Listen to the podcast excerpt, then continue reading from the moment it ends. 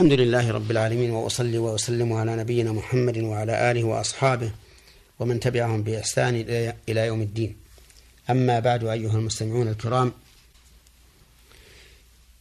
يقول الله عز وجل ولنبلونكم بشيء من الخوف والجوع ونقص من الأموال والأنفس والثمرات وبشر الصابرين الذين إذا أصابتهم مصيبة قالوا إنا لله وإنا إليه راجعون. أولئك عليهم صلوات من ربهم ورحمة. وأولئك هم المهتدون. في هذه الآية يؤكد الله سبحانه وتعالى أنه سيبلو عباده بشيء من الخوف والجوع ونقص من الأموال والأنفس والثمرات. خمسة أمور كلها فيها الابتلاء والامتحان. ويؤكد الله تعالى ذلك بثلاث مؤكدات. اللام ونون التوكيد والقسم المقدر لأن تقدير الكلام والله لنبلونكم بشيء. بشيء من الخوف وهو الذعر. سواء كان هذا الخوف من عدو حقيقي ماثل أمام الإنسان أو من عدو غير غير معلوم كالخوف الذي يلقيه الإنسان آه كالخوف الذي يلقيه الشيطان في قلب الإنسان. كما قال تعالى إنما ذلكم الشيطان يخوف أولياءه أي يخوفكم أولياءه. والجوع وهو نقص الطعام سواء كان ذلك بفقد النقود التي يشتري بها الإنسان طعامه أو بفقد الطعام نفسه بحيث لا تنبت الأرض ولا يجلب إلى البلد. ونقص من الأموال والأنفس والثمرات. نقص من الأموال بما يحصل من الجوائح والفيضانات وغيرها مما يرسله الله سبحانه وتعالى على عباده عند معصيتهم إياه. والأنفس الموت كالأوبئة ونحوها. والثمرات ما يخرج من الأرض من الأشجار والزروع وغيرها تصاب بنقص إما في فساد ثمرتها أو هلاكها أو ضعفها أو ما أشبه ذلك. وكل هذه مصائب. مصائب يقدرها الله عز وجل ابتلاء. ابتلاء على أي شيء؟ على الصبر أو عدم الصبر. ولهذا قال وبشر الصابرين. أي أخبرهم بما يسرهم. الذين يصبرون على هذه البلاء على هذا البلاء الخوف والجوع ونقص الأموال والأنفس والثمرات. والخطاب في قوله بشر الصابرين إما للرسول صلى الله عليه وعلى آله وسلم أو لكل من يصح توجه الخطاب إليه إلى يوم القيامة. ثم بين صفة من صفات الصابرين يتميزون بها عن غيرهم فقال الذين إذا أصابتهم مصيبة قالوا إنا لله وإنا إليه راجعون. إذا أصابتهم أي وقعت فيهم مصيبة أي ما يسوءهم ويحسنهم قابلوا ذلك بتفويض الأمر إلى الله. فقالوا إنا لله وإنا إليه راجعون. إنا لله ملكا وإنا لله خلقا وإنا لله عبيدا يفعل بنا ما شاء. وإنا إليه راجعون أي سنرجع إليه مهما طال الزمن لقول الله تعالى يا أيها الإنسان إنك كادح إلى ربك كدحا فملاقيه. أولئك عليهم صلوات من رب من ربهم ورحمة. أولئك أي الصابرون الذين إذا أصابتهم مصيبة قالوا إنا لله وإنا إليه راجعون. عليهم صلوات من ربهم ورحمة. الصلوات من الله على العبد قيل إنها الرحمة.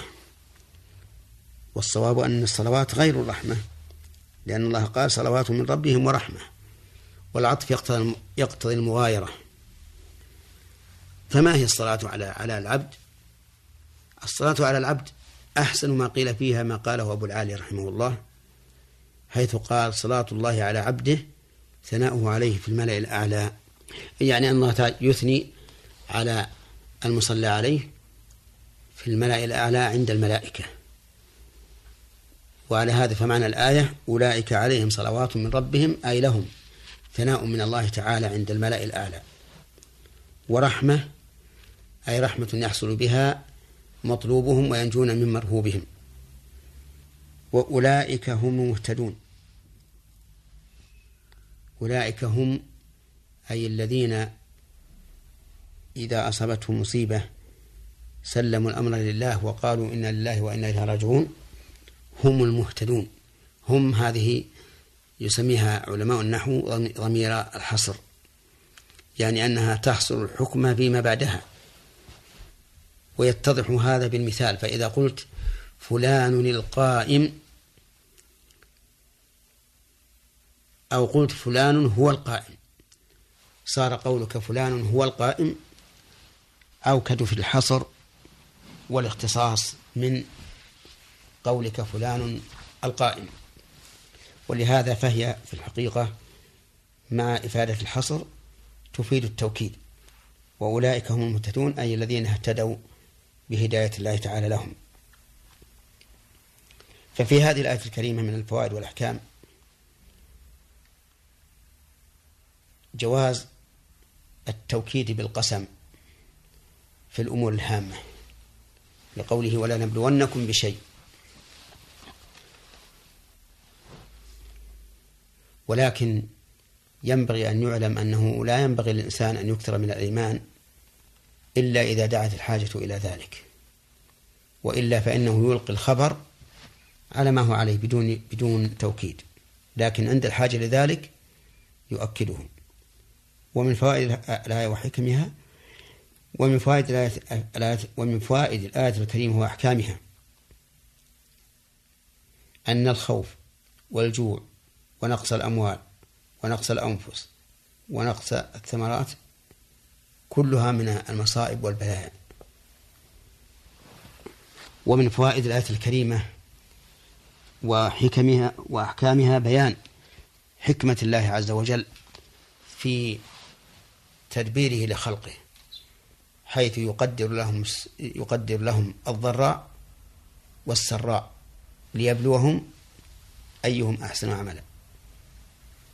كقوله تعالى ولا نبلونكم حتى نعلم المجاهدين منكم والصابرين ونبلو أخباركم. ومن فوائد الآية الكريمة أنه ينبغي للإنسان أن يشعر بقدر نعمة الله عليه بالأمن والعيش الرغيد. ونمو الأموال والأنفس والثمرات. ومن فوائد الآية الكريمة أن نقص هذه الأمور مصيبة. فتكون زيادة هذه الأمور نعمة ومنحة. ولا شك أنه كلما كثر كثرت الأموال وصرفت في طاعة الله وكلما كثر الناس واستعملوا واستعملوا حياتهم في طاعة الله فإن ذلك خير.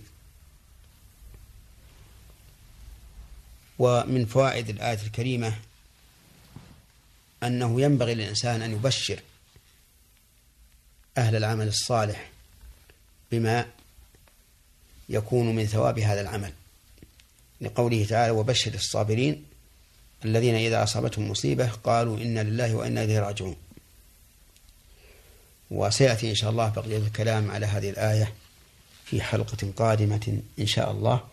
والسلام عليكم ورحمة الله وبركاته.